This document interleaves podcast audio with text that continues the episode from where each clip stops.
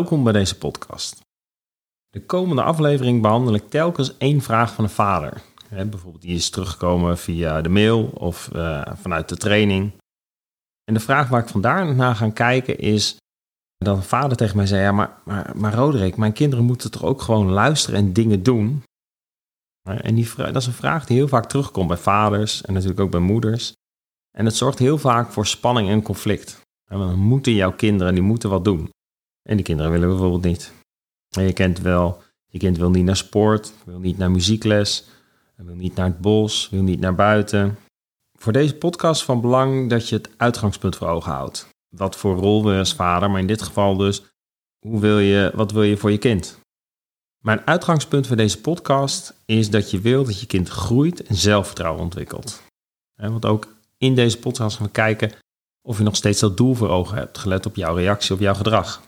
Nou, als je hier als vader tegenaan loopt, heb ik één vraag voor je die je zelf kan stellen. En dat is, wiens agenda is het?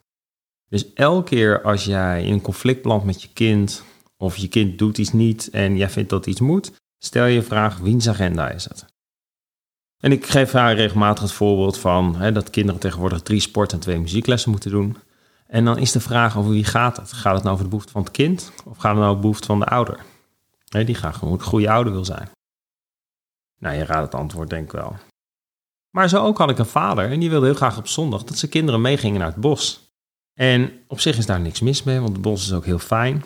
Alleen wat bleek nou? Dat zijn kinderen de hele week uh, hadden hard gewerkt, huiswerk gemaakt, CITO-toets hadden gedaan. En die wilden gewoon even chillen op zondag.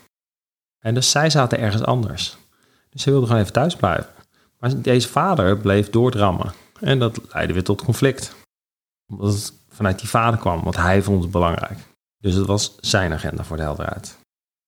Wat hierin ook kan helpen, is dat je bijvoorbeeld verplaatst in je kind. En zo had ik een jongen van 12 jaar. En die moest tijdens het eten 30 minuten blijven zitten, omdat de andere kinderen deden er ook 30 minuten over. Hij zegt volgens ja, ik, uh, ik heb gewoon helemaal niks te doen. Niemand praat tegen me. En het is gewoon saai. Mijn moeder is alleen maar negatief. En uiteindelijk kon hij dus niet weg, maar uiteindelijk ging zijn stem verheffen, werd hij boos. En vervolgens zegt zij dus, nou, ga maar weg. Dus als hij boos wordt, mag hij wel weg. Ook een patroon wat je heel graag wil doorbreken. En na de ruzie komt mam natuurlijk alles uitleggen. 60 keer hetzelfde, dat weet ik al. Dingen die ik moet doen en die ik fout doe. Want dat is de koppeling die kinderen maken. En als ik het wel goed doe, hoor ik helemaal niks. Dus waarom zou ik het doen? kind voelt zich niet gezien in dit stuk. Mam komt met ideeën en niet met oplossingen.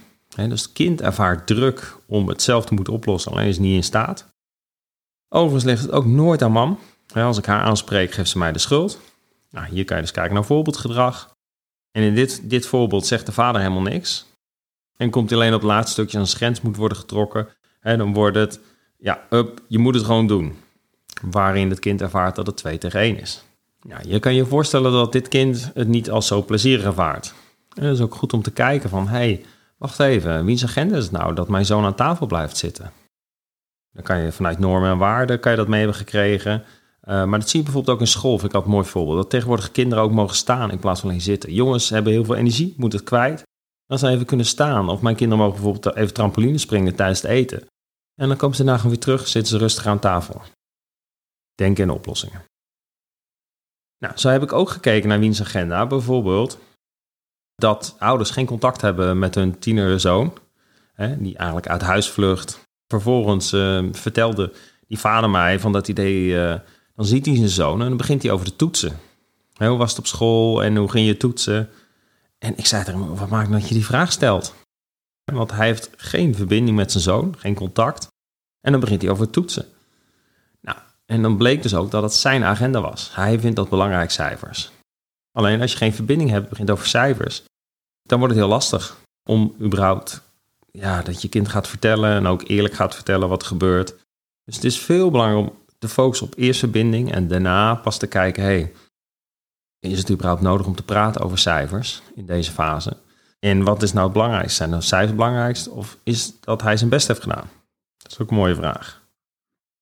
Nou, wat heeft je kind nou werkelijk nodig om te groeien en zelfvertrouwen te ontwikkelen? Nou, wat een kind werkelijk nodig heeft om te groeien en zelfvertrouwen te ontwikkelen, is zekerheid. Dat zijn ouders er ook zijn als hij niet doet wat ze verwachten. Dus als hij niet doet wat moet worden gedaan. maar dus ook onvoorwaardelijke liefde.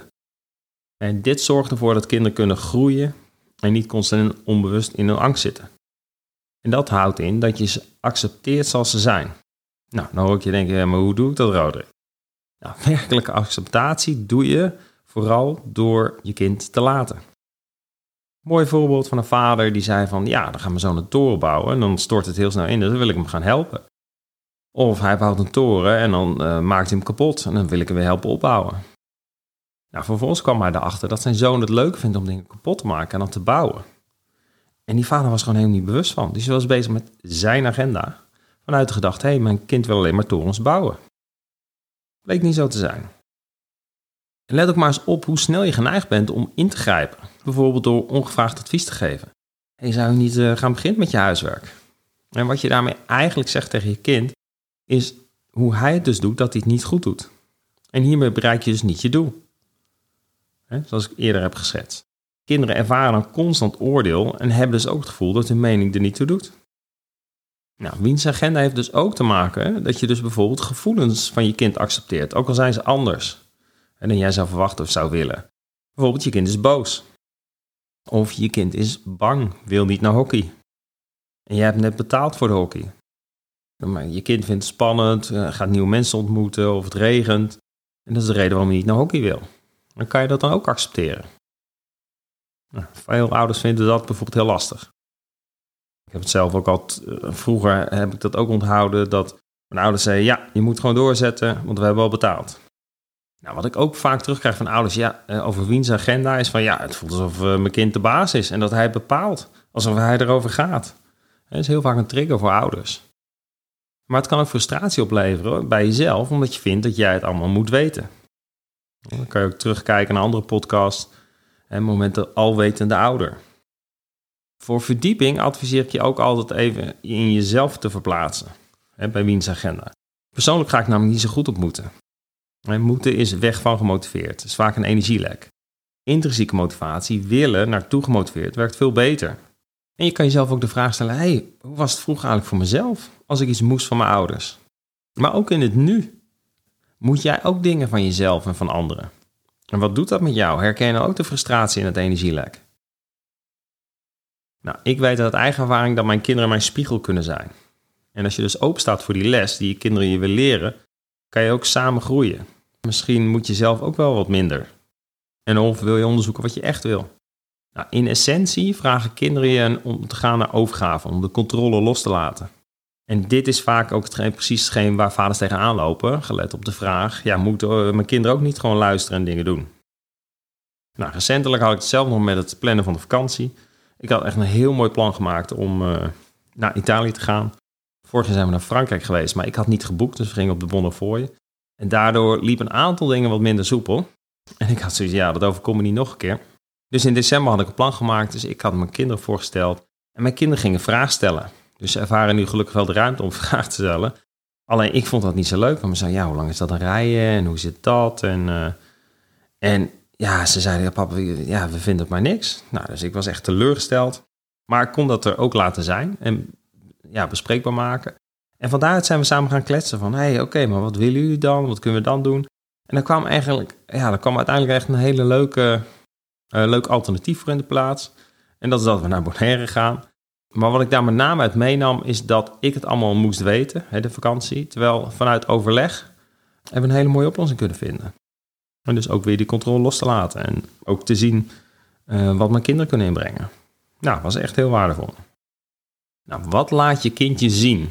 En dus op het moment dat je kind iets moet, of hij zit in de weerstand, wat laat je kindje dan zien? Welke signalen geeft het af? Zodat je ook kan onderschatten of je kind een duwtje nodig heeft, of juist ruimte. dus hoe beweegt je kind dan? Mijn oudzoon die gaat, als hij spanning heeft, en hij vindt echt iets spannends, dus het is niet dat hij gewoon even geen zin heeft, en dan gaat hij bijvoorbeeld lopen.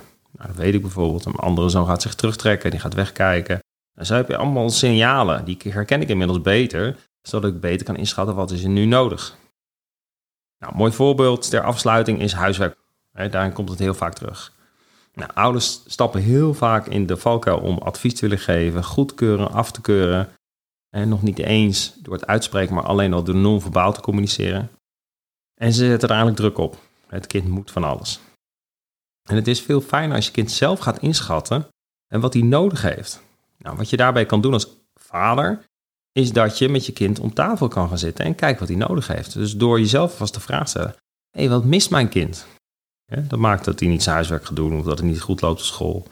Of waarom zit mijn kind in de weerstand? onder elke weerstand in de angst. Dus is mijn kind ergens bang voor? Welke ondersteuning kan ik bieden?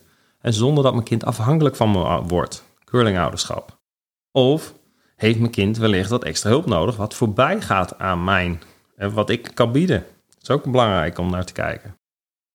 En in hoeverre herken ik mezelf in mijn kindsgedrag? Dat is vaak ook helpend. En dan kan je kijken, wat had jij nou vroeger nodig? En met name, ja, ik denk wel de belangrijkste, wat kan ik dan ook doen om geduldig, consequent en liefdevol aanwezig te blijven? In de battle met mijn kind, vaak. Ja, de focus gaat dus altijd uit op wat je kind doet groeien om sterk te maken. Niet wat hem blij en comfortabel maakt overigens. Dat is ook belangrijk om te zien. Dus soms geef je dus ruimte en soms geef je een duwtje. je kan hierbij dus ook je, leren, je kinderen leren om door te zetten. Alleen dat je wel bewust bent dat ze dat niet leren van straf of oordeel. Wel van een gesprek bijvoorbeeld. Nou, mijn kinderen moeten overigens wel een paar dingen. En dat klinkt misschien raar gelet op wat ik tot nu toe heb verteld. Maar als het gaat over veiligheid of gezondheid, heb ik geen discussie.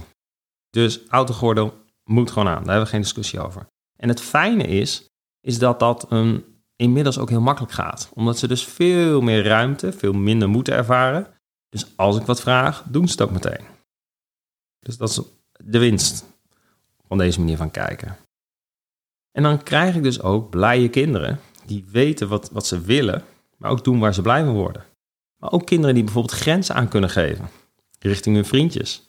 Die bijvoorbeeld lelijk tegen hun, hun pesten enzovoort. In plaats van dat ze fake kwaliteit gaan ontwikkelen om erbij te horen. Je hebt nu dus een concrete vraag. Wiens agenda is het? En ook inzichten die je kunnen helpen bij het inschatten van een situatie waarbij conflict of spanning ontstaat. Waarbij je kind dus in de weerstand zit en jij vindt dat je kind iets moet doen. Nou, ik hoop dat deze vraag je gaat helpen om veel meer vanuit ontspanning en acceptatie te kijken naar je kind. En beter te kunnen aanvoelen wat het nodig heeft. Veel succes. Mocht je nog vragen hebben, laat het vooral weten. Uh, mocht je aanvullingen, ideeën hebben voor de podcast, ik hoor heel graag van je. En een hele fijne dag.